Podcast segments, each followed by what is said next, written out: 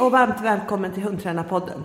Det här avsnittet sponsras av den allra bästa hundmaten för din hund, nämligen Four Friends.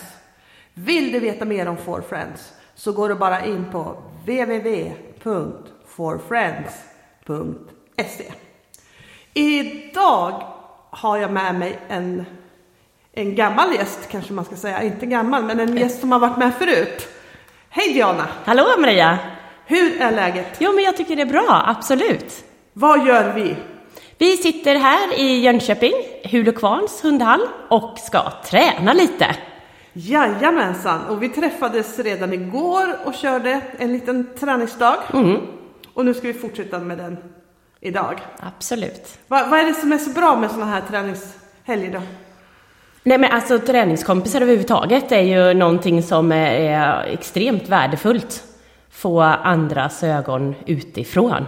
Ja, Man eh, tränar så mycket själv och kanske som lydnadsförare så tycker man oftast om att göra det. Men eh, man eh, behöver få andras ögon och andra diskussioner överhuvudtaget. ja. Och det är rätt så skönt och lyxigt och ibland är det kul att vara fler, att vara ett helt gäng. Ja. Så man får den träningen och ibland så är det rätt så skönt att vara två också för att verkligen ha för att verkligen ha gott om tid. Och, och just att man då på ett annat sätt hinner sätta sig och diskutera. Är man fler, då blir det mer att man, man tränar på, tycker jag. Ja. Men här kan man verkligen sätta sig och pausa och samtala och, och förhoppningsvis komma med kreativa tips. Ja, det är helt perfekt.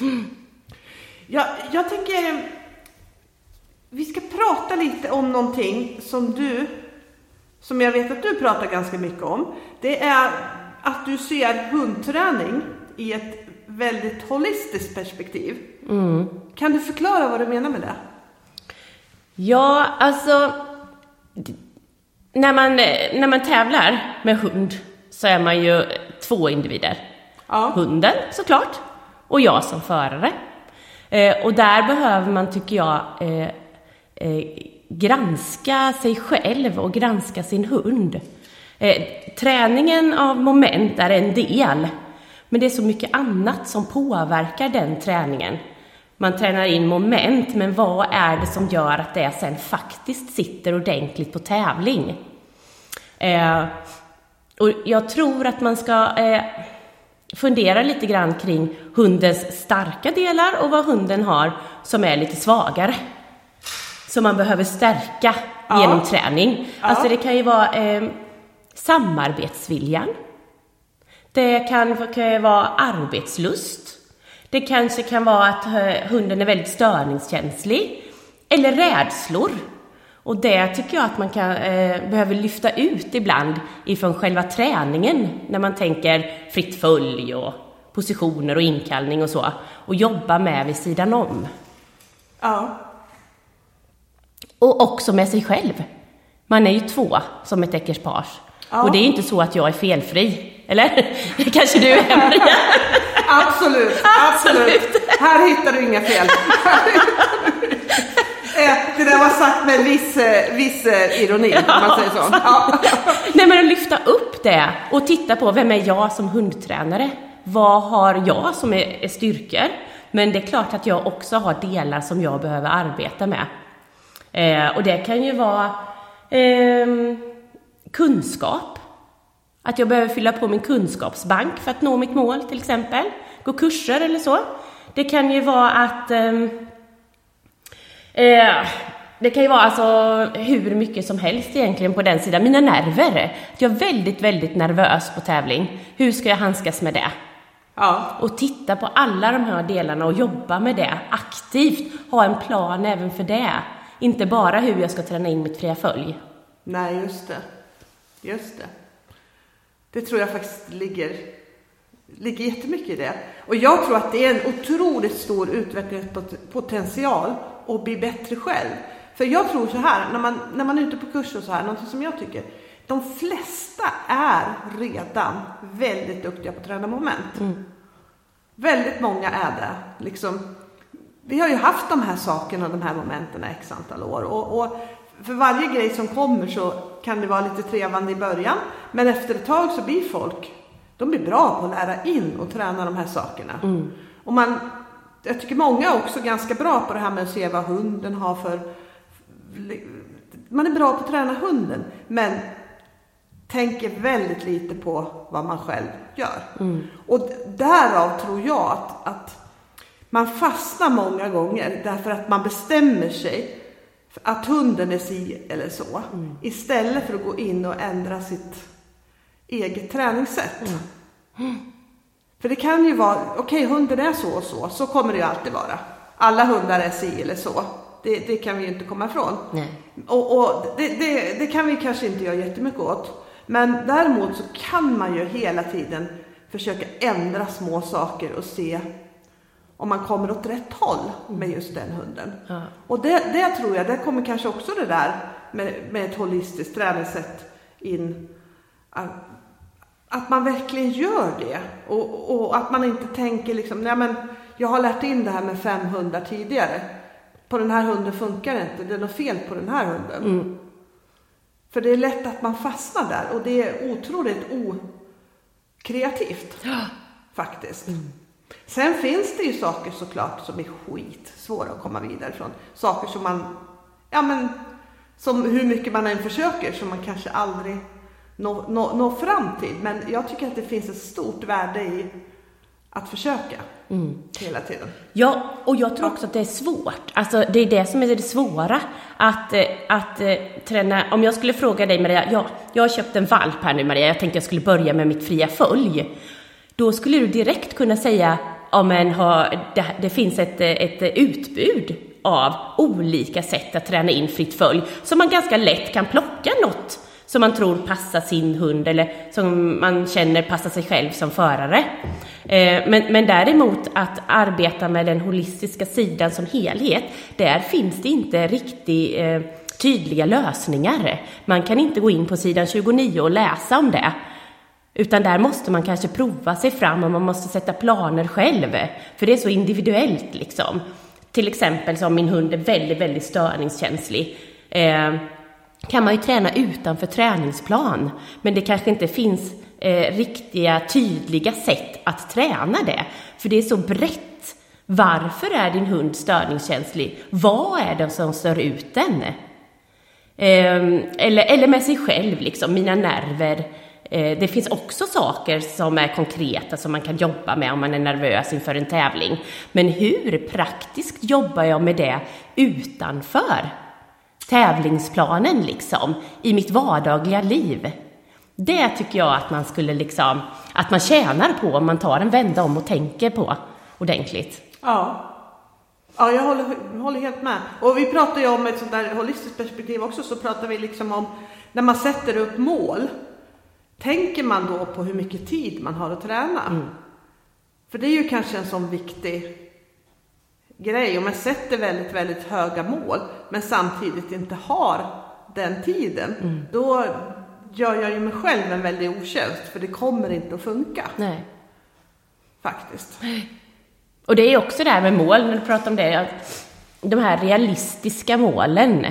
Alltså att man är schysst både mot sig själv och sin hund och sätter mål som man faktiskt på något sätt eh, kan nå. Eh, tänker jag. Att de är realistiska. Ja, ja det, det, det är ett sätt att sätta mål tänker jag. Ett annat sätt att sätta, sätta mål är ju också att man ser målen som styrningen i träningen. Mm. Att jag har målet att det här och det här ska se ut så här och så här. Att, ja, men liksom, man har kanske ett mål för hur hela ens tävlingsprogram ska se ut. Och det är kanske mycket möjligt att man aldrig kommer att sätta det, men det ger en bra riktning till mm. träningen.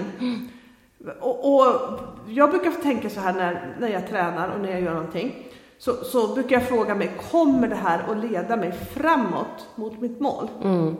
Om svaret är ja, då är det rätt att göra det jag tänkte. Om svaret är nej, då är det fel att göra mm. det. För då kommer, då kommer jag få komma ett steg bort från mitt mål istället. Ja. Till, ett, ett exempel på det, ett mer konkret exempel skulle ju kunna vara att jag bestämmer mig för att jag vill ut och tävla. Eh, eller jag, jag, jag, var ute och tävlade med, med Elsa nu innan hon riktigt var klar. i klassen. I, i den klassen jag tävlade. Och då, då, då hade jag också tänkt igenom det här ganska noga. Kan jag få några stora nackdelar av det här? Mm. Och hur kan jag träna på så mycket som möjligt, fixa så mycket som möjligt utan att på så, något sätt sätta press på mig själv och på hunden. För det är ju liksom, om jag börjar hasta med någonting som inte är riktigt klart för det ska bli på en tävling och jag blir sur och grinig och irriterad över att det där faktiskt är inte så bra som jag önskar att det ska vara.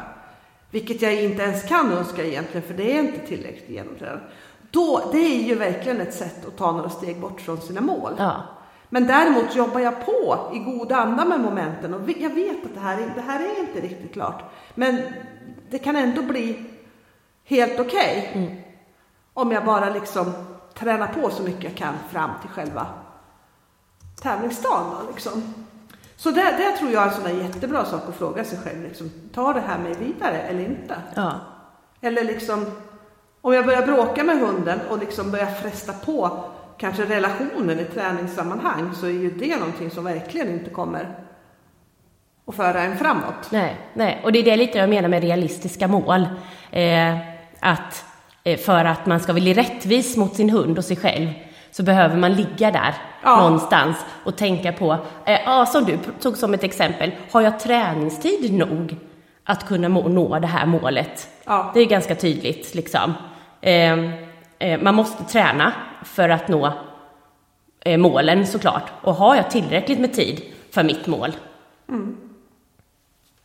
Mm, det är helt sant. Men smarta saker att tänka på. Och det är också ganska bra att ha, kanske ha i bakhuvudet om någonting börjar krångla på träningen. Att väldigt ofta då är det faktiskt smart att ta ett steg tillbaka och tänka liksom vad, vad ska jag göra? Istället för att liksom bara fortsätta. Och där, där, där tycker jag, då är det bra att kanske ha någon fråga att ställa sig. Vad är jag beredd att göra och vad jag är inte beredd att göra? Ja. Och vad, vad kostar det här och vad smakar det här Ja. som jag gör faktiskt? Så jag tror, ja. Mycket, mer, tankar till träningen faktiskt. Ja, I ett holistiskt perspektiv Ja. också då faktiskt. absolut. Men vilka tycker du är, är fördelarna med att ha ett mer holistiskt tankesätt då? Jag tycker det är jättemycket fördelar. Eh, jag brukar arbeta med någonting som heter en holismkarta. Eh, och där skriver, vi, där skriver man ner helt enkelt eh, saker som påverkar sin träning. Eh, alltså hundens eh, egenskaper, eh, styrkor och vad jag behöver förbättra. Och tittar, eh, och tittar på vad, vad jag ska plocka upp för någonting, vad jag behöver stärka eh, och vad som är bra. Och likadant gör jag som mig som förare, precis på samma sätt.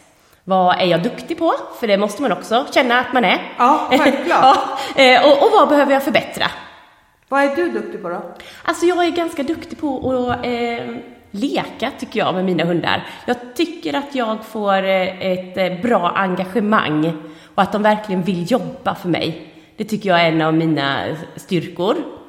Någonting som jag eh, jobbar med ständigt, det är till exempel att planera ordentligt min tid och vara lite noggrannare i eh, min träning. Jag släpper gärna in igenom små saker. Ja. Eh, det är någonting som sitter på min lista just nu.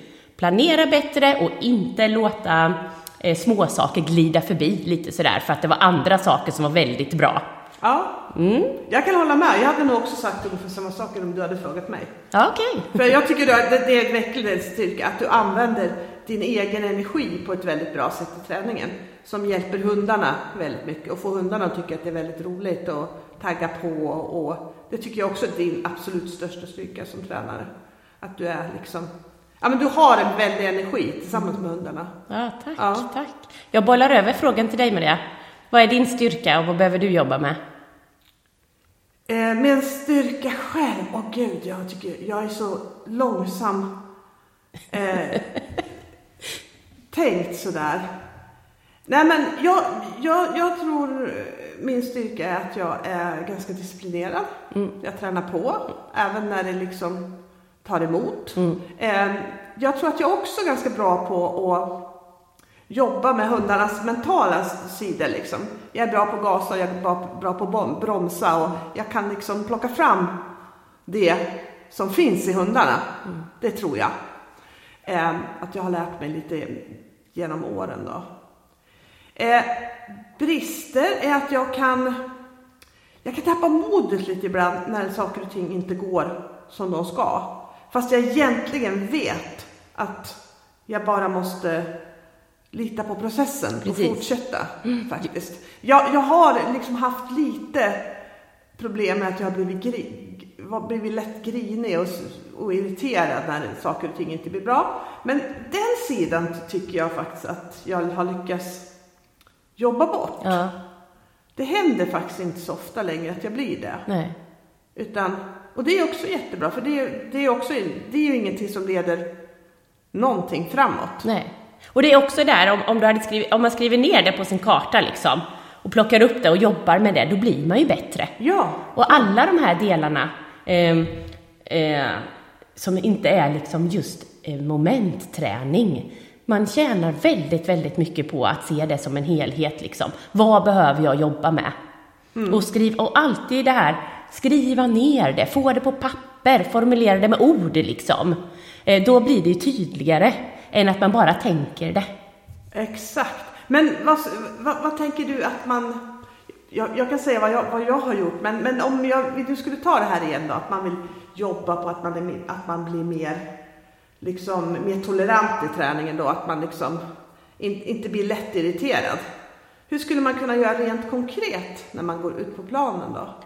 Framförallt ha en plan för när de, för det är några, det är känslor som kommer, ja. eller hur? Ja. Så det, det, behöver man ju ha en plan för. När de här känslorna kommer, hur, hur eh, handskas jag med det? Och jag misstänker också att det inte bara är hundträning som man får de känslorna, utan kanske på sin man ibland, eller sin sambo hemma. Och, och då skulle man ju också kunna tänka det här, nästa gång jag får börja känna att jag blir irriterad på min man, då ska jag öva mig på det här att behärska mig liksom.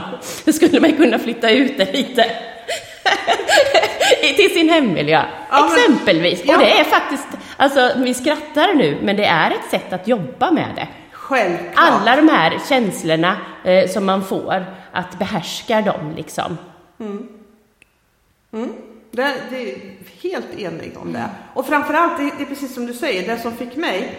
Eh, jag hade ju Ylle, han var ju väldigt, väldigt het förut. Mm. Och vi fick ju mycket trubbel av när han gick i spinn. Han gick i spinn och det, jag gick i spinn. Ja. Och så blev det väldigt ofta en ond cirkel. Och mina träningskompisar de sa hundra gånger liksom låt inte det där hända. Men det, det hände ju i alla fall. Mm. Liksom. Och framförallt om man var lite trött och lite stressad och inte riktigt var hundra med i matchen så hände det där. Men det, så, det som ändrade på alltihopa, det var när jag liksom skrev ner vad jag skulle göra. Ja. Liksom, i, konkret, vad ska jag göra när det där händer? Och sen så läste den där lappen två, tre gånger innan jag gick in på plan. Jag hade den på ljud, på röstmemo också, mm. så man kunde lyssna på, så man blir påmind. Om det händer, gör så här. Och det blev ju jättebra. För dels påmind att det kan hända, var beredd. Två, att man visste vad man skulle göra. Mm. Och, och sen är det ju, det är ju aldrig någonsin lönsamt. Nej. Liksom. Det är aldrig All... någonsin lönsamt när man får liksom, irriterande känslor, för de dyker ju upp. Ja. När man tänker, men herregud, det här har jag ju tränat in liksom. Precis. Det här behöver du faktiskt kunna nu. Ja. Men, men, det är aldrig lönsamt att sätta till en känsla. Nej. Till det liksom. Utan då är det bättre att man lägger ner hunden och pausar bara. Ja. Och så tar man hand om sina egna känslor och sen lägger man en strategi för hur man ska få hunden att tänka. För någonting var det uppenbarligen som störde ut den. Absolut. Mm. Absolut. Och det där är ju, ja, jag tycker det är ett jätteintressant perspektiv att tänka och experimentera runt. Och jag tror det finns massor faktiskt att hämta där för väldigt många hundtränare. Ja. Faktiskt. Och jag kan ju bara säga med, med, med Ylle liksom. Det, jag fick ju, det, det vart ju mycket, mycket bättre när vi hade den strategin. Mm. Mm. Och så här i efterhand så kan jag säga, hade jag praktiserat det där tidigare, då, då hade vi vunnit ännu fler SM. Ja, ja men helt säkert. Det törs jag nog säga faktiskt. Ja, ja. ja. Ehm, och det är ju, när vi jobbar med de här holistiska kartorna på kurser ibland som jag har, eh, så är det väldigt svårt märker man. För man vill gärna bara gå tillbaka till delar eller moment. Exakt. Det är det man vill skriva som den svaga. Ja, men jag tycker han har lite dålig position i fria följet. Till exempel. För det är så konkret. Ja. Så att det, det, tar ett tag att jobba igenom och få förståelse för att det inte är det som handlar, holismkartan handlar om, utan egenskaper hos dig och din hund. Ja. Inte hur man tränar in specifika moment liksom. Nej. Nej, för, för där igen, det är det de flesta liksom redan ganska bra på. Ja.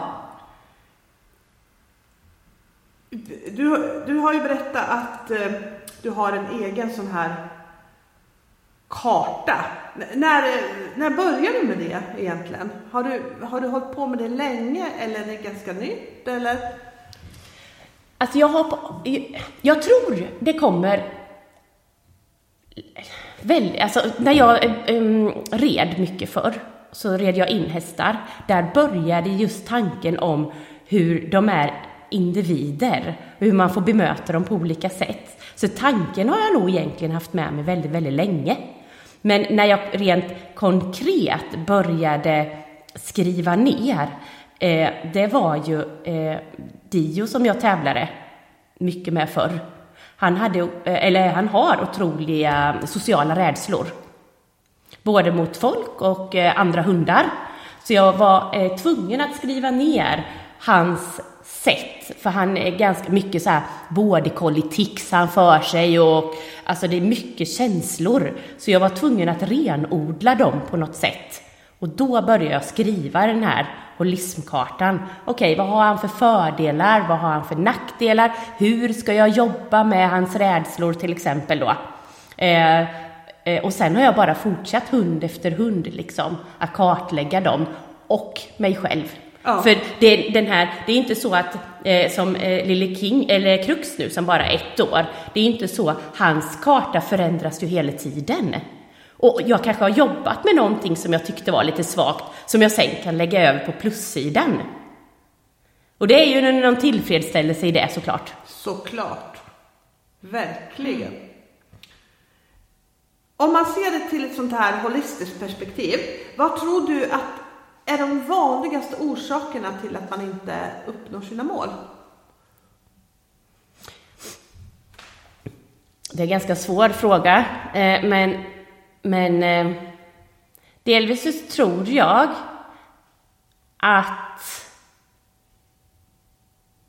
man inte riktigt... Eh, eh, ja, du får hjälpa mig nu med det.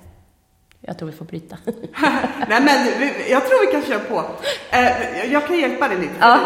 Jag, är likadan, för det är inte så lätt när man får en snabb fråga Nej. och ska man liksom för, för det är ju en jättestor fråga, men det kan ju vara väldigt mycket som gör att, att man inte når upp till målet. Och både du och jag träffar ju många, ganska många lovande unghundar. Ja. Men det är väldigt få som når hela vägen, för det är så mycket som kan hända. Ja. Det, föraren tappar lusten, Ja. föraren tappar lusten innan den egentligen har jobbat klart. Det tycker jag har varit jättesynd. Jag har sett ett par ekipage som har varit riktigt lovande, men liksom har tyckt att de inte har nått fram och liksom gett sig alldeles för tidigt. Ja. När hunden egentligen hade kanske behövt ett år träning till för att kunna bli riktigt bra. En del blir sjuka, en del blir skadade.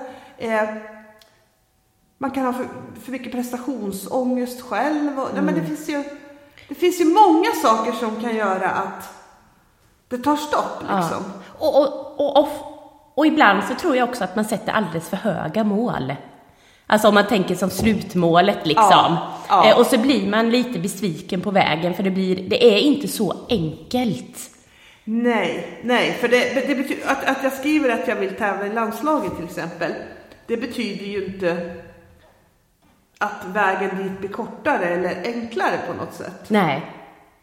Och, och där tyckte jag en inte en träningskompis, men, men en tävlingskompis kan jag säga. Hon sa en sak som jag tyckte var superbra och som jag verkligen håller med om.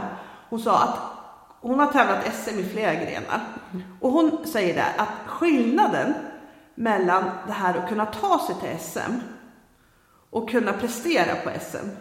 Ja. Att skillnaden i träningsmängd mellan de två är oändligt. Mm. Och det ligger ganska mycket i det. Jag Ja. tror det gör, det gör det i alla grenar.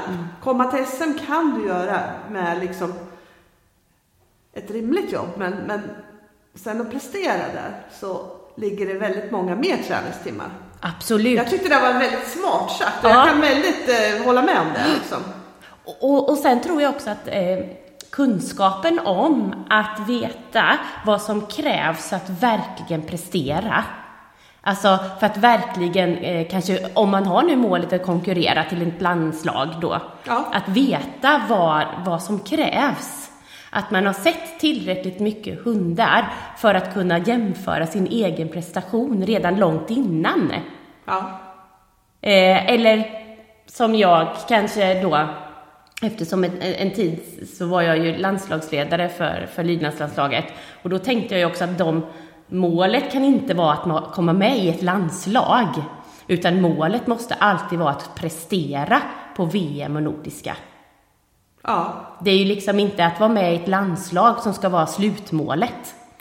Nej, verkligen inte. För där igen, där är ju skillnaden också ganska stor mellan att vara med i landslaget och prestera i landslaget. Ja, för om jag ska vara med i landslaget så är det en jättebedrift såklart. Ja. Att, att komma dit. Men då så konkurrerar jag om de, med de svenska ekipagen. När jag sen ska ut till Nordiska eller ska ta ut till VM, då måste man ha koll på vad som krävs att kunna konkurrera med grannländerna eller liksom i Europa. Ja, Så att det är två helt olika sätt att se på det tycker jag. Med, med de absolut toppmålen om man tänker. ja, precis. Tror du att många har koll på det här? Nej, Nej? det tror jag faktiskt inte att man har. Ehm, man har koll på de svenska ekipagen. Ja, Väldigt bra koll. Alltså, vi är ju träningskompisar utanför rankingtävlingarna Ja, eller så. Sen är vi ju där och alla försöker göra sitt bästa och vi hejar på varandra och så.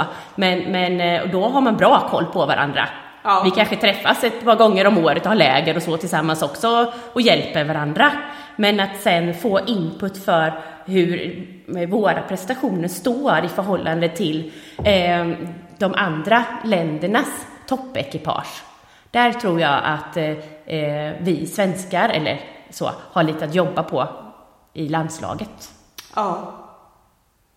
Det Verkligen. gäller inte att bara komma till landslaget, tänker Nej, jag. nej, nej det, gör, det gör verkligen inte det. Utan det är några steg till sen. Mm, det är det, För att det verkligen. ska kunna gå riktigt bra. Ja. Och då kommer det ju verkligen in det här med ett holistiskt perspektiv. För det handlar ju väldigt mycket mer om, om bara hunden. Ja, oh ja, oh Ja. ja. Och det, som, det är också att, eh, påfrestande för hundarna att bara resa, Ja. att ta in alla intryck eh, och så, och ändå kunna prestera sen. Ja, precis. Och prestera flera dagar i rad och verkligen liksom kunna... Ja, det finns många, många, många, många delar i Ja, det verkligen. faktiskt. Ja. Och ju fler delar man har koll på, desto större chans att få till det tror jag. Ja, men också desto mer träningstid behöver det jag. Också, det också. Mm. Faktiskt.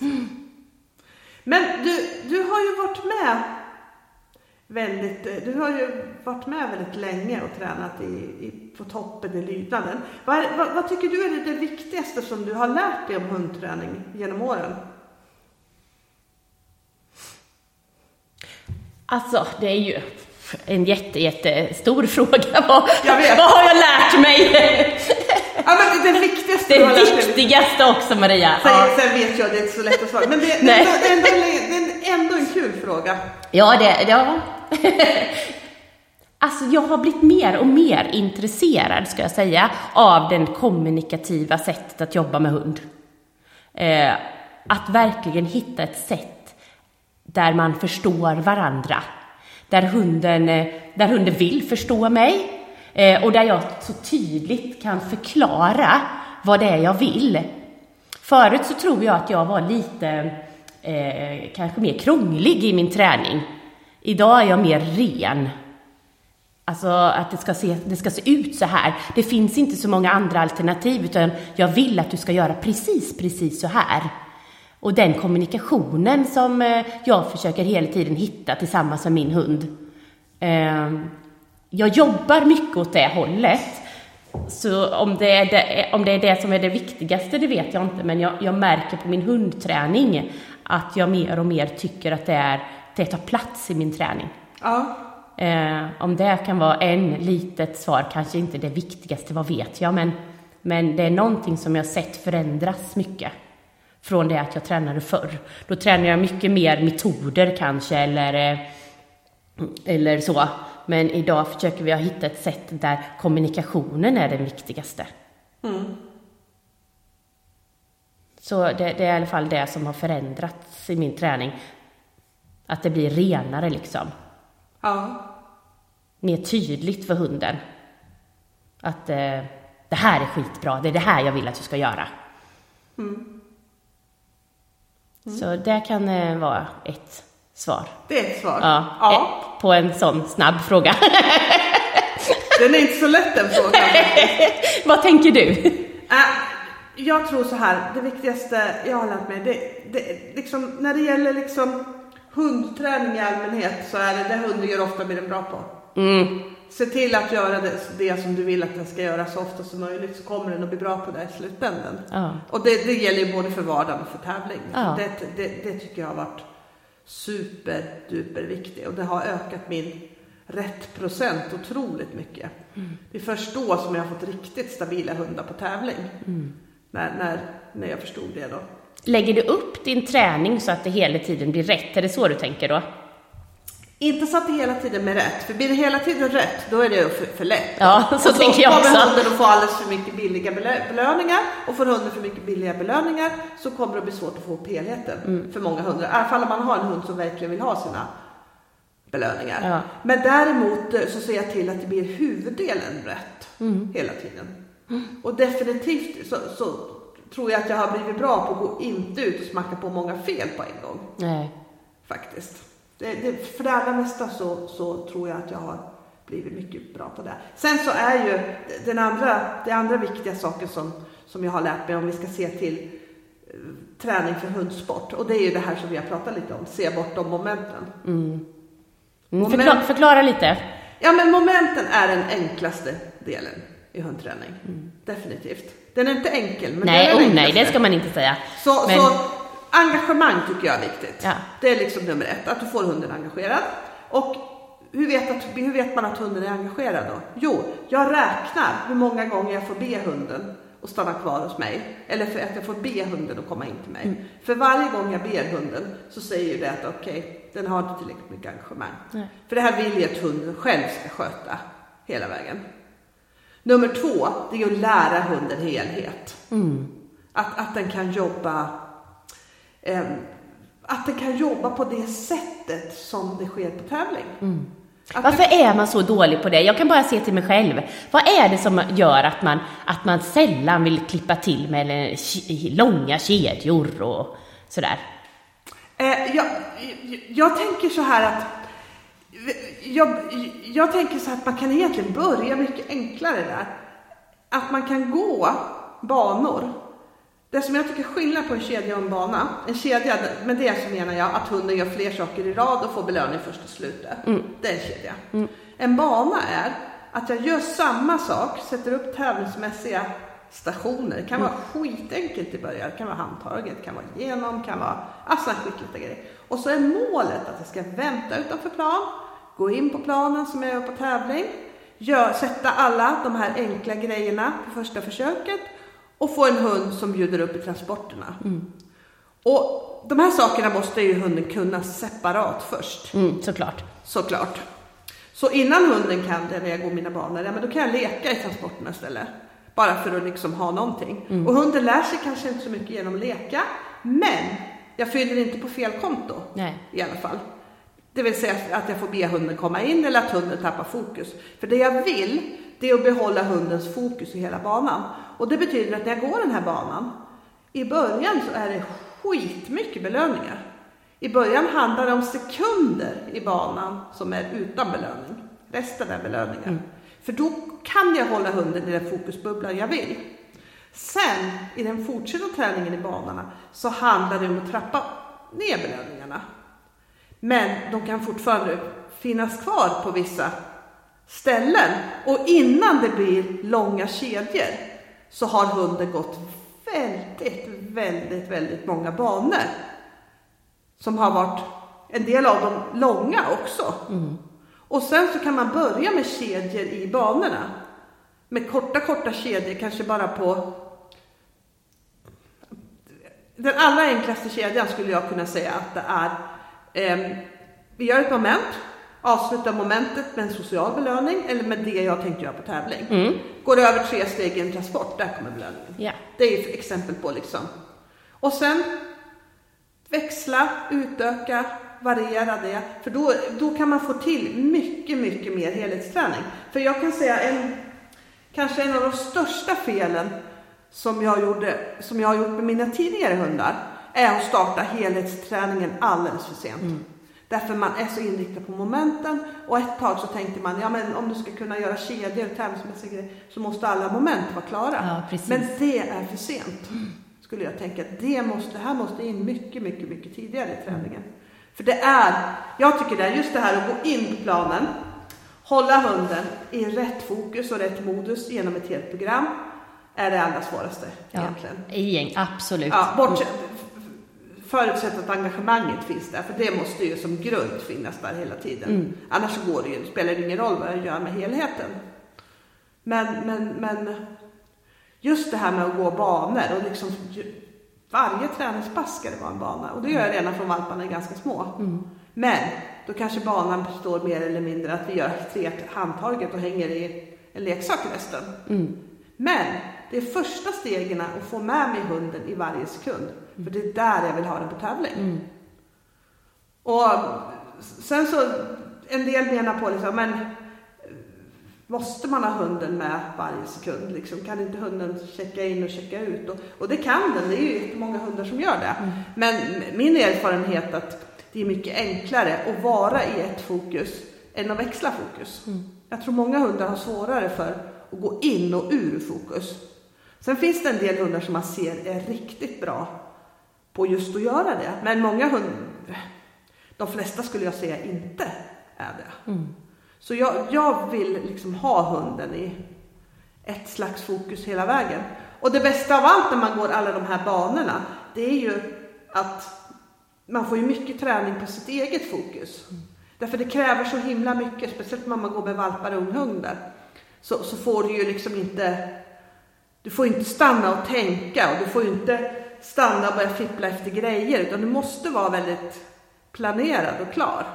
För just i de lägena tappar man ju lätt hunden. Mm. När hunden inte har en uppgift så tappar den fokus. Och jag tänker också att få med det, alltså eh, kedjetänket eller så, från början i sin dagliga rutin Exakt. när man tränar. Ja. Eh, det tror jag också är väldigt eh, viktigt. Ja, ja. För förut, jag vet inte, jag tror du, vi, vi, jag tycker kanske du också tänkte så i början när någonting gick snett på tävling.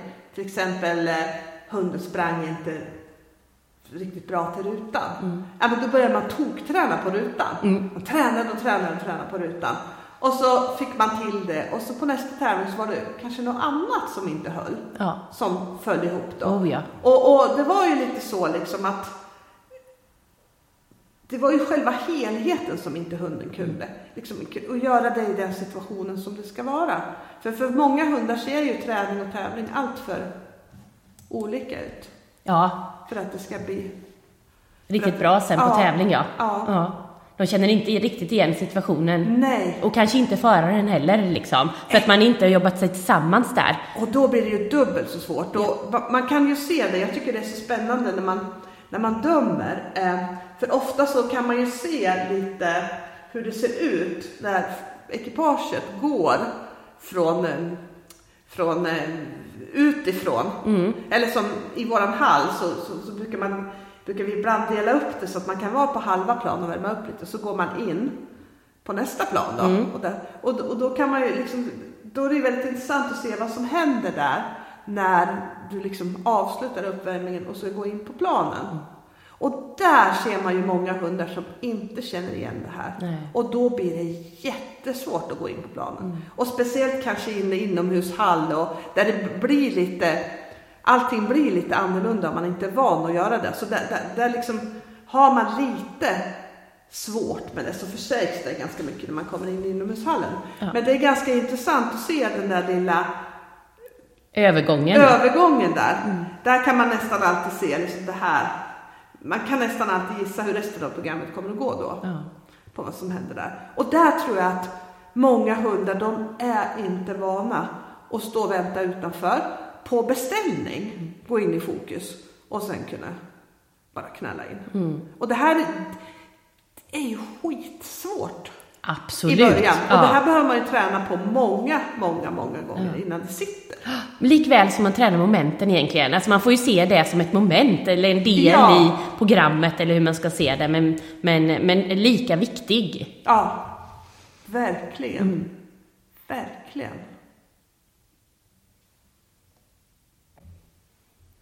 Eh, jag tycker det är jätte, jätteroligt det här med att eh, diskutera saker, fråga varandra. Eh, och du har ju frågat mig en hel del frågor nu Maria.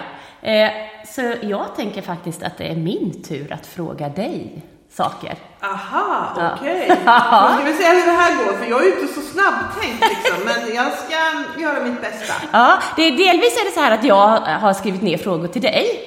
Men jag har också eh, frågat eh, vissa av mina träningskompisar.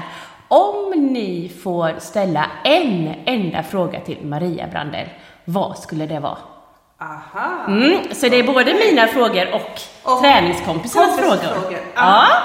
Är du beredd? Jag är stenklar. Ja, välkommen hit Maria Brandel säger jag till den här Tack så, podden.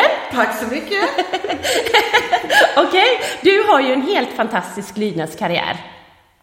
Vad tror du är den största skillnaden mellan dig och andra förare med samma höga mål, men som inte når den absoluta toppen? Är min första fråga. Åh gud, det skulle, den e- frågan skulle jag egentligen kasta över till dig. Till mig? Ja, Nu gjorde du det lite enkelt för dig här kan jag tycka, men eh, jag kan ju säga några saker som du är grym på. Och det är att eh, din noggrannhet, att alltid hålla på dina kriterier. Du släpper väldigt sällan igenom saker, eh, utan du håller på dina kriterier och förmedlar det till hunden att det är väldigt, väldigt viktigt att du tänker på de här sakerna i lydnadsprogrammen. Eh, så där tror jag, om man ser dig som tävlingsförare liksom, mot tävling. Ja, så att ja. träningen mot tävling. Och sen också att du, eh, precis som vi har pratat lite grann om innan idag, att engagemanget är så himla viktigt som grund. Och det sätter du också alltid. Så det är två saker där som jag tycker att du, du är eh, eh, väldigt, väldigt duktig på. Och som jag tror är ett framgångskoncept för dig. ja, ja för det, det, det där kan ju vara lite svårt liksom. Vad, vad, vad, vad, vad är det egentligen? Liksom? Det jag kanske hade sagt själv att jag har ganska mycket disciplin. Träna på även när kanske jag inte alltid har lust att träna så får jag till träning och, och liksom, jag, om jag väl bestämmer mig för att göra någonting så gör jag det. Jag gör det fullt ut liksom. Ja. Då, okej, vi har kommit med till landslaget. Då, då, då, då, då, då jobbar jag på. Verkligen liksom. Och då och skjuter andra sidan saker åt sidan. Och det var kanske där, delvis därför som jag valde att inte starta på sista rankingtävlingen nu.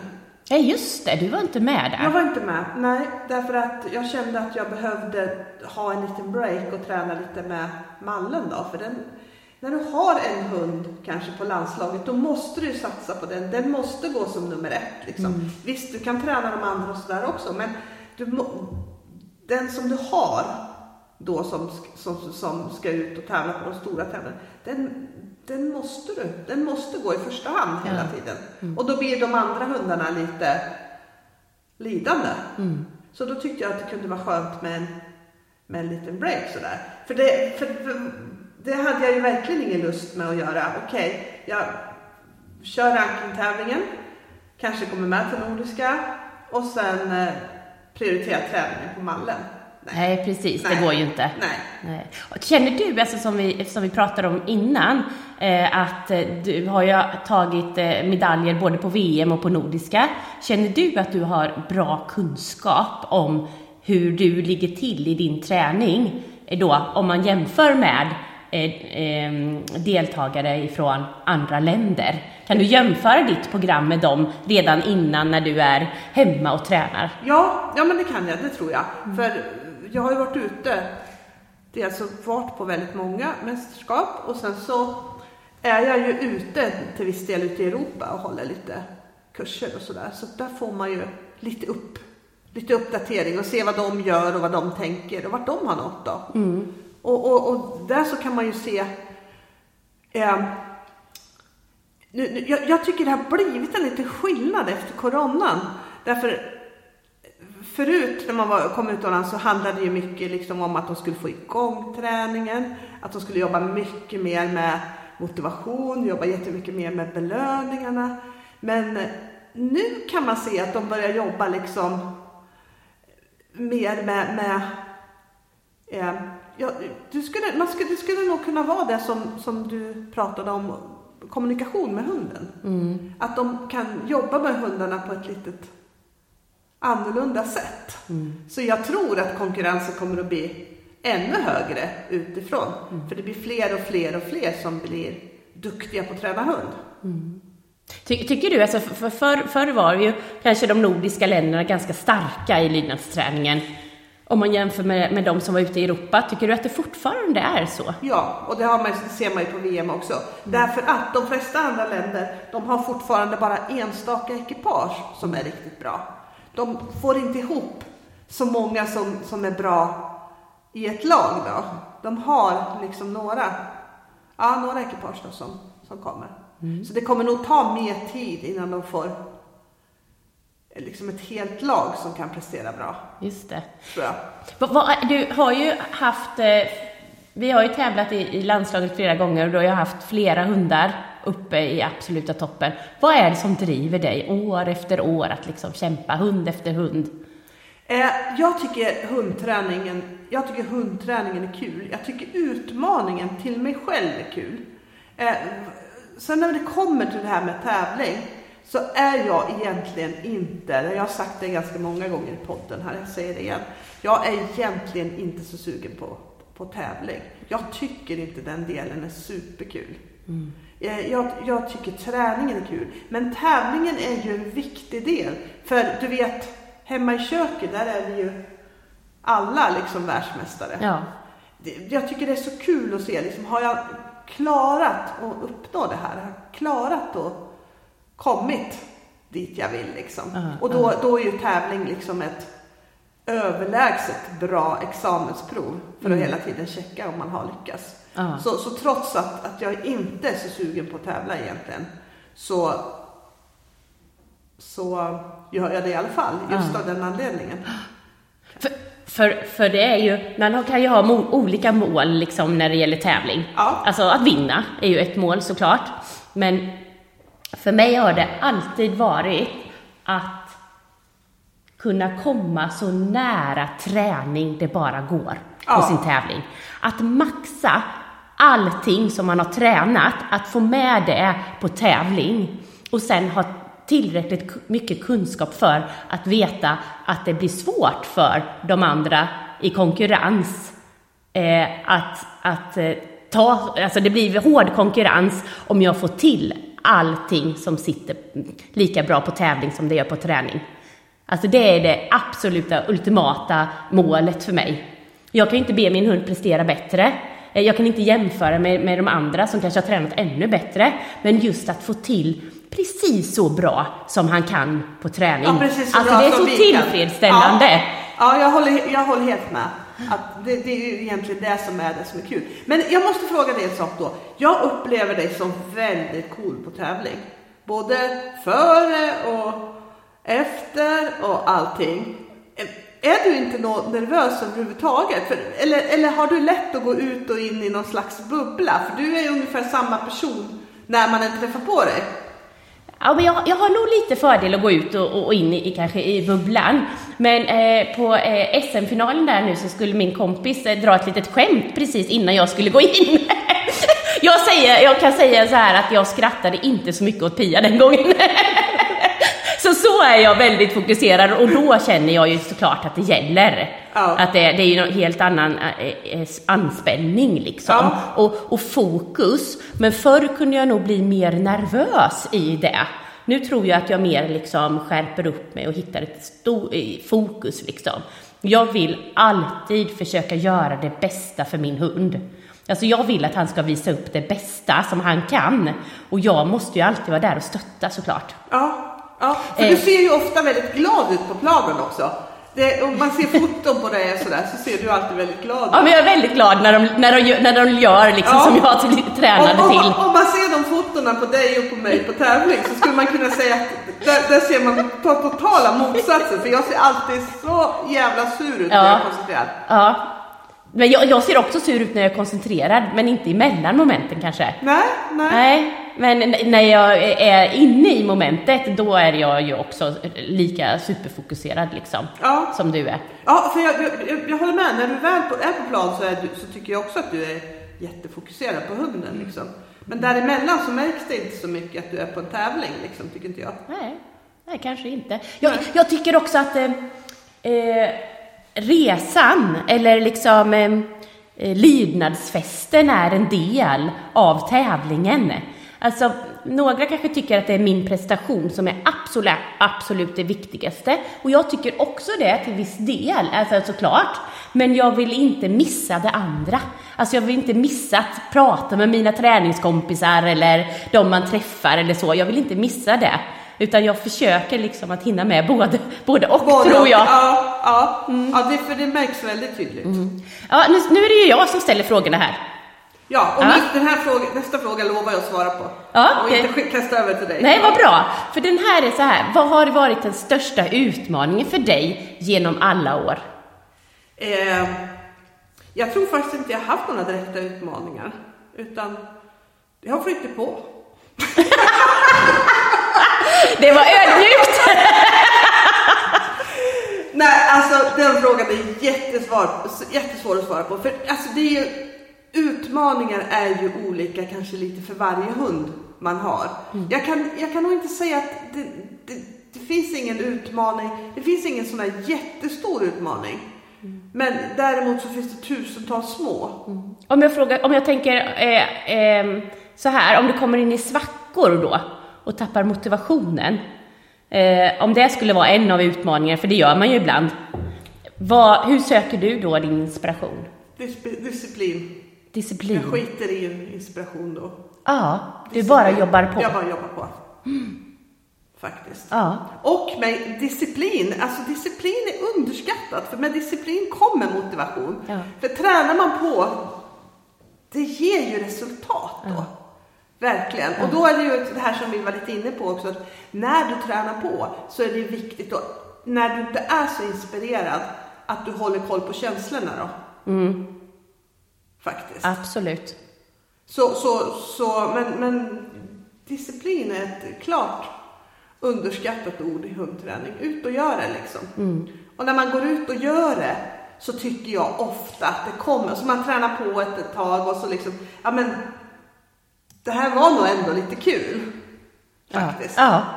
Så, så jag skulle säga så. Men sen så tycker jag att det finns ju andra saker som inspirerar. Väldigt ofta när man träffas och tränar så här som vi gör så ger ju det en massa inspiration. När man pratar och diskuterar vissa saker ger det också till viss del inspiration. Men, men jag söker då inte efter inspiration om jag inte har motivation. Liksom det, det måste inte komma där utan Det måste inte komma utifrån. Nej, jag tränar då ändå. Ja. Liksom, även om jag inte har någon lust eller även om jag inte vill. Just det. Så gör jag det. Eh, idag tycker jag att det har, eh, förändrats eh, eh, lite. Nu tänker jag på när man köper valp. Alltså förr köpte man en, en, en, en trevlig hund. Och tränade på med den. Men det som har förändrats lite grann är ju att idag söker man nästan lite av den perfekta valpen, tycker jag. Man kanske vill ha en ganska högtempererad hund som springer mycket av sig självt och så. Ser du någon risk med att alltid liksom, eller att försöka leta efter den typen av tävlingshundar? Ja, jag, jag gör det, för jag tror att det är svårt. Det är svårt att hitta, liksom, man hittar väldigt sällan en hund som är optimal. Nej. Eh, och jag, tycker också att det är väldigt, väldigt, jag tycker, tycker, att det är en ganska stor svaghet i träningen. Speciellt när man har en valp och letar fel på den. Jag har själv gjort det. För, för ja, men i, speciellt i början när man tränade hund, då var man ju väldigt mycket liksom, eh, det första man frågar någon som hade skaffat, är du nöjd med valpen? Är du nöjd med valpen? Ja. Är den bra? Är du nöjd med valpen? Och de flesta svarade ju ja när hunden var 8-10 veckor. Och sen när den blev lite äldre så började det dyka upp saker. Men, men jag brukar försöka tänka så här att jag försöker hålla hundens, vad ska jag säga, hundens svaga sidor försöker jag hålla lite vid sidan om. Eh, och med det menar jag att jag är väldigt medveten om dem. Men jag låter dem aldrig ta särskilt stor plats, mer än att jag jobbar med dem och att jag tränar på dem.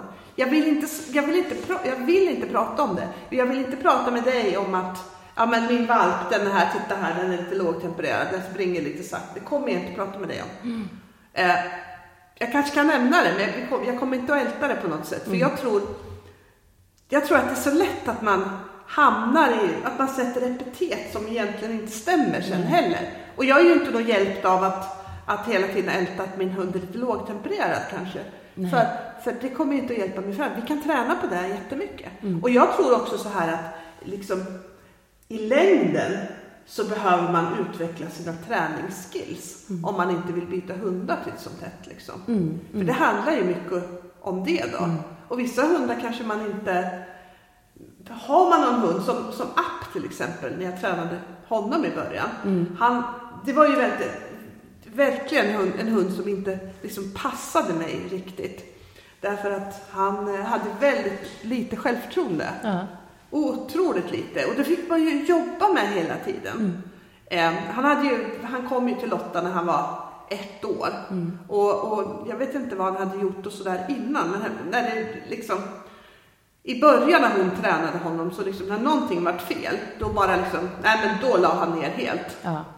Men sen när jag började träna honom, då hade hon liksom jobbat över det där. Så, så jag, jag fick aldrig liksom uppleva riktigt den delen. Men han hade, och, och där tänker jag igen liksom att tänker man hela tiden på att det här och det här är hans svagheter, det här är hans stora svagheter, så, så tror jag att det är mycket svårare att man överbrygger dem än att man, jag vet att de finns där, jag vet att jag behöver jobba med det, men Ja, och det finns ju hela tiden saker att jobba med i varje individ. Det är ju inte så att man får den perfekta, alltså jag, eh, om det inte är hunden så är det väl mig själv jag får jobba med i alla fall. Liksom, Ja. Det är ju hela tiden saker som man måste Ja. arbeta med. Och jag tror inte att bara för att man får den här högtempererade, eh, lättsprungna hunden, att eh, utmaningarna slutar inte där. Nej, det är ju inte så att de är lättarbetade, att de är lättränade.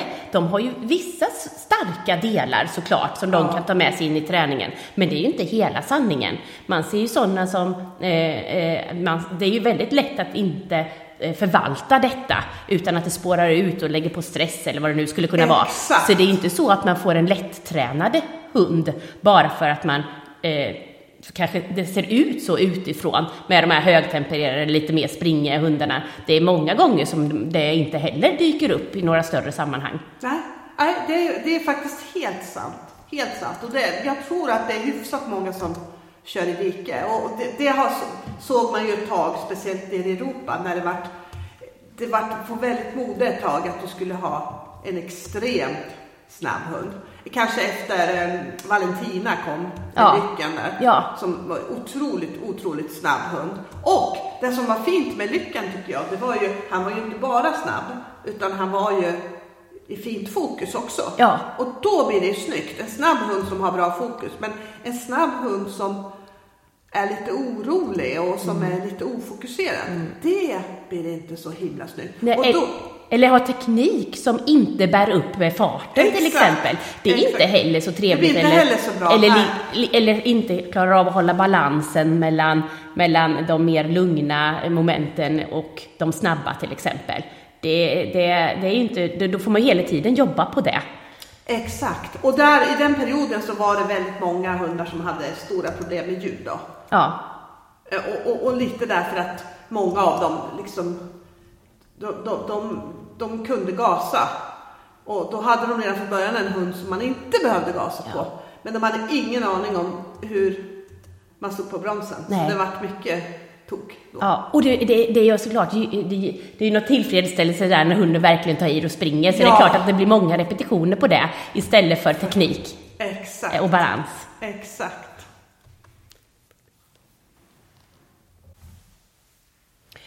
Eh, både du och jag, Maria, har ju jobbat med fart eh, på alla våra hundar. Ja. Eh, hur gör du för att hunden ska behålla fart i alla delar? Och då tänker jag på ja, men det klassiska till exempel. Man har en hund som trycker på fint i inkallningen, men sen börjar man lägga in skiften, eh, stå, sitt eller ligg, och då börjar hunden tappa fart, Ja. till exempel. Ja, exakt. Där, där handlar det ju faktiskt om att, att man har klart för sig vad ska min hund göra när jag kör en inkallning? Jo, den ska springa. Den ska springa fort, men den ska inte springa galet fort tycker inte jag. För då, I alla fall inte lydnad. För, för eftersom hunden ska stanna på en meter där så måste den springa fort. Men den måste springa och vara beredd på någonting. Utan att bromsa. Det är lite klurigt faktiskt. För, för det är precis det som händer för många hundar. När, när du börjar med, med, med skiftena så, så lär sig hunden att ja, men de här kommer. Och så börjar de förbereda sig. Och jag brukar tänka så här. Jag brukar se det ur en ganska positiv synvinkel. Och tänka att liksom hunden gör ju rätt. För den vill ju göra det som Ja. den tror att den ska Ja. göra. Men den får ju ändå inte ligga steget före. Så ett, för att, att bygga fart så jobbar jag ganska mycket på att se till att hunden springer fort i, när jag tränar. Alltså lägger upp det så att hunden kommer att springa fort. Till exempel att ha långa avstånd och, och har hunden i en bra sinnesstämning. Leker med den innan kanske så att jag är helt säker på att den har liksom lite tryck i det den gör. Tränar mycket indian, för det tycker jag är ett jättebra sätt att förklara det här att du ska springa, springa snabbt in, kasta dig in mot mig då. Eh, sen när jag börjar lägga in skiften så gör jag alltid det helt och hållet separat utanför inkallningen. Ja, När hunden gör någonting annat. ja träna tekniken tänker du Ja, där. Mm. ja, helt och hållet separat. Och då när jag tränar tekniken så är jag samtidigt jättenoga med att hålla på kriterierna. Det vill säga, vad ska hunden göra när jag ropar på den? Mm, Jo, springa den ska fort. springa fort. Och det där gäller även när skiftena kommer in. Och då brukar man få en period där det här strular ganska ordentligt. När Ja. hunden säger att jag vet. Och då, då är jag bara supernoga. Det får aldrig någonsin komma en belöning för att hunden inte springer. För jag jobbar inte så i alla fall. Att jag tänker att om hunden får en belöning för att den inte springer så kommer den att springa fort sen för att den har belöningsförväntan. Nej. Man kan tänka så, jag säger inte att det är fel. Och jag ser, ser att det funkar på en del. På en del att göra så faktiskt. Men jag gör inte så. Utan jag, jag bör, när jag börjar lägga på stoppen då så tänker jag så här att liksom det viktigaste nu i träningen det är inte stoppen utan det är att hunden springer på. Alltså är jag mer vaksam på det än själva stoppen en period. Och om hunden inte springer på så talar jag om det för hunden i samma sekund som den inte trycker på. Och jag talar om det genom att så fort jag ser att ah, ah, nu jag springer på men jag ser att den tänker för mycket på stopp. Eh, då vänder jag mig om och sticker åt andra hållet. Sticker åt motsatt håll för hon sticker ifrån hunden. Retas med belöningen jätte, jättemycket. Så att jag får hunden i lite frustration. Lite, inte för mycket för det får inte börja rå själv. Men jag vill se att ja, hunden precis. känner sig sluten. Nästa gång vill jag att det ska bli rätt. Då tar jag en extremt lång inkallning. Så att jag är helt säker på att hunden kommer springa så att jag får belöna det. Ja. Så att, för, för jag vill ju att det, den ska förstå att när jag har reklamerat, då ska du ta i mer, då ska du kämpa på mer. Den förståelsen vill jag ha. För, för det blir ju ofta, eller eh, ganska eh, ofta så ibland att hundar, som man blåser dem på leksaker, Ja. att de inte svarar med att kavla upp ärmarna, utan att de blir lite ledsna och lite besvikna liksom. Då kan inte hunden den felsignalen. Nej. Då hade jag tränat på den mycket. Jag lägger ner mycket tid separat i leken på att göra sådana saker. Till exempel göra en kort, en kort indian. Indian är ju det när hunden sitter och tittar på leksaken. Och så snyter den om hunden är inte är tillräckligt snabb. Och där experimenterar jag ganska mycket vad jag ska göra för att hunden ska få rätt känsla. För det är ju superviktigt, precis som du säger, när jag säger att det är fel, då ska hunden aldrig bli tveksam och sluta jobba. För det är ju ett ännu större fel. Och jag tycker också att där, när man i början när man börjar träna in den och eh, snyter leksaken, att man oftast glömmer att läsa hunden. Utan man tar leksaken, stoppar upp den i famnet, rör sig ifrån hunden istället för att titta på hur svarar hunden. Ja. Och där, det är precis där som man ser om hunden tänker kavla upp eller om tänk, hunden blir lite besviken, då har man inte läst den på rätt sätt. För vissa hundar behöver man vara ganska mjuk mot där, när man tar den där och liksom bara Ja, småretas lite, oj oj oj liksom. Ja. Och, och, och lära in det här ordet på felsignalen då. Medan andra kan man vara ganska robust med och bara, åh nej vad pinsamt det här blev liksom. Men att man läser hunden i den situationen. Och där är ofta där som jag tycker att det brister. Man vänder sig inte om mot hunden, man tittar inte på hur den faktiskt reagerar på min felsignal här. När jag har blåst den. Nej, förstår hunden kanske kvar och viftar med svansen lite, lite lågt och så tycker man är pinsam i största allmänhet. Då blir det ju, då är det ju inte fel signal som Som kommer att hjälpa en i sin hundträning sen. Så det Nej. här, det här är någonting som jag lägger ner jättemycket Ja. tid. Och det, även i början när jag leker mycket så, så försöker jag göra dem lite robusta i leken. Mm. Genom att säga, men nu är du dålig, fan, ta in, fy, det här är inte bra. För jag vill lära dem liksom det träningsspelet. Ja, liksom. precis, Hej, en lek. Kämpa på, ja. Ja. Skit i om jag låter sådär, så här, bara, bara kör Ja. så går det bra. Faktiskt. Så, så, ja men jag tror, och jag kan ge bara ge ett snabbt exempel på det, att hur tokigt det kan bli med en sån felsignal. För jag hade en förare på kurs som varje gång som hon gjorde, felsignal så stack hunden till bilen. Och jag frågade henne, men liksom vad, vad, vad har du gjort egentligen? Nej men jag har inte gjort någonting, jag har bara gjort fel signal. Och sen så gjo- gjorde hon sin felsignal en gång. Sen när hon gjorde den lyfte hon upp hunden och började pussa jättemycket på hunden. Så det var det hon gjorde i felsignalen. Och hunden tog det här jättedåligt liksom. Den, dels så tror jag att den tyckte så mycket om att bli upplyft. Och ta upp och bli upplyft i ansiktet när man gör fel, det var ingenting som den hunden alls tyckte om. Utan tvärtom, det här var som värsta bestraffningen. Och det, föraren hade ju jättegoda ambitioner. Hon tänkte ju tvärtom. Ja. Ja. men jag stöder min hund, jag hjälper min hund lite. Jag tar upp den och liksom Det gör ingenting kompis liksom, vi Nej, försöker igen. Exakt! Ja. Men det blev bara så himla tokigt. Ja. Läsa hunden där tror jag Ja. liksom verkligen är jätte, jätteviktigt. Att man ser att hunden svarar på det sättet som man vill och att man anpassar det, den blåsningen, eh, utefter den individen man har. ja. Eh, du, eh, vi, jag vet att vi ska avsluta här lite, Ja. men, men jag tycker att det är en fråga som är ganska viktigt i, och i ropet nu.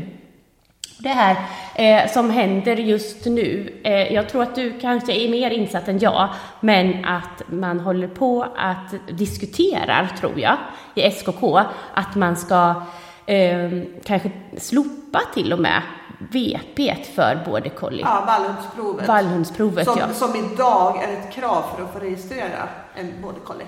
ja. Jag har skrivit på att det inte ska hända, men hur tänker du kring det? Ja, men jag tycker att det är skitbra att du har skrivit på. Det tycker jag alla vi som är intresserade av border collie som arbetshund ska göra. Mm. För många av border collies fina egenskaper, den kommer ju utifrån vallningen och vallhundsprovet. Och de här egenskaperna, de försvinner ganska kvickt när man slutar avla på det. Ja. Och, och det, jag tycker det är jättesynd, för jag menar, det finns ju jätte, jättemånga raser. Och i princip alla andra raser får du registrera på, utan vallhundsprov. Och vill man avla på en ras utan att göra vallhundsprov så är jag tycker det är jättekonstigt att man inte väljer i så fall en annan ras. Ja, precis. För det finns ju så många som inte har det. Och jag menar, för att köpa en border collie, för att ha en border collie, du kanske inte måste valla, utan du kan ersätta liksom arbetet med väldigt många andra saker. Absolut inga, proble inga problem. Men du behöver kanske inte nödvändigtvis avla på just den rasen om du inte är intresserad av vallbiten. Nej. Och, och sen eh, som, som du och jag som eh, eh, vill tävla och kanske ha höga mål, vi kanske någon gång sen, eh, eller du är ju redan där, men eh, tävlar de stora, stora tävlingarna. Eh, vi söker ju precis samma egenskaper egentligen som en som vill eh, valla med sin hund och ha en hund arbetande på sin gård. Det är precis arbetslusten man är ute efter, man är ute efter jaktintresset, man är ute efter samarbetsviljan, så att det är inte så att det är motsägelsefullt på något sätt. Jag har köpt eh, mina hundar bara så av rena vallhundar. Det har inte varit några sporthundar att, att, tala om, utan det har varit rena vallhundar, för jag vet just att jag vill ha hundar som klarar stora jobb, eh, för att då klarar de också såklart lydnadsträningen på ett bra sätt. Och du har ju gjort precis likadant. Ja, ja. Absolut, och, och tycker det är superviktigt. Och jag hoppas, hoppas verkligen Kennelklubben kan förstå det otroligt värdefulla i att ha en ras där man faktiskt prioriterar arbetet till 100 procent. Ja. Alltså hur otroligt värdefullt det är för hundarna. Mm, håller med, absolut. Så jag hoppas, hoppas att man verkligen, ja men att, att man tar det här för, för, för att man tar det här på allvar. För som sagt, många av colliens fina egenskaper ligger i Och en del säger, ja men det är liksom vallningen finns kvar. Nej, den gör inte det. Det försvinner, sådana här egenskaper försvinner ganska kvickt. Därför att när man har en vallhund så räcker det inte att man har några bra egenskaper. Utan det krävs ganska, ett ganska komplett paket för att det ska bli en riktigt, riktigt bra vallhund. Ja. Gör det faktiskt. Så vi håller tummen. ja, absolut. Det gör vi verkligen. Du, jag får tacka dig. Vi, vi, hade, vi hade ju egentligen ganska måga fler frågor. Ja, Men- det, ja, det hade jag. Ja. Verkligen. Ja, men... Men eh, vi får ta det vid nästa tillfälle, för vi kör väl på. Vad ska vi göra nu då? nu ska vi träna. Nu ska vi träna som Jajamän. fan. Ja, absolut. Det ska vi. Och sen så får vi ta en ny omgång. Det gör vi. Och då ska jag ha ännu mer frågor till dig. Ja, detsamma. vi, vi pratar på. Det gör vi. Det här avsnittet sponsras av For Friends. Absolut bästa hundmaten till din hund. www.forfriends.se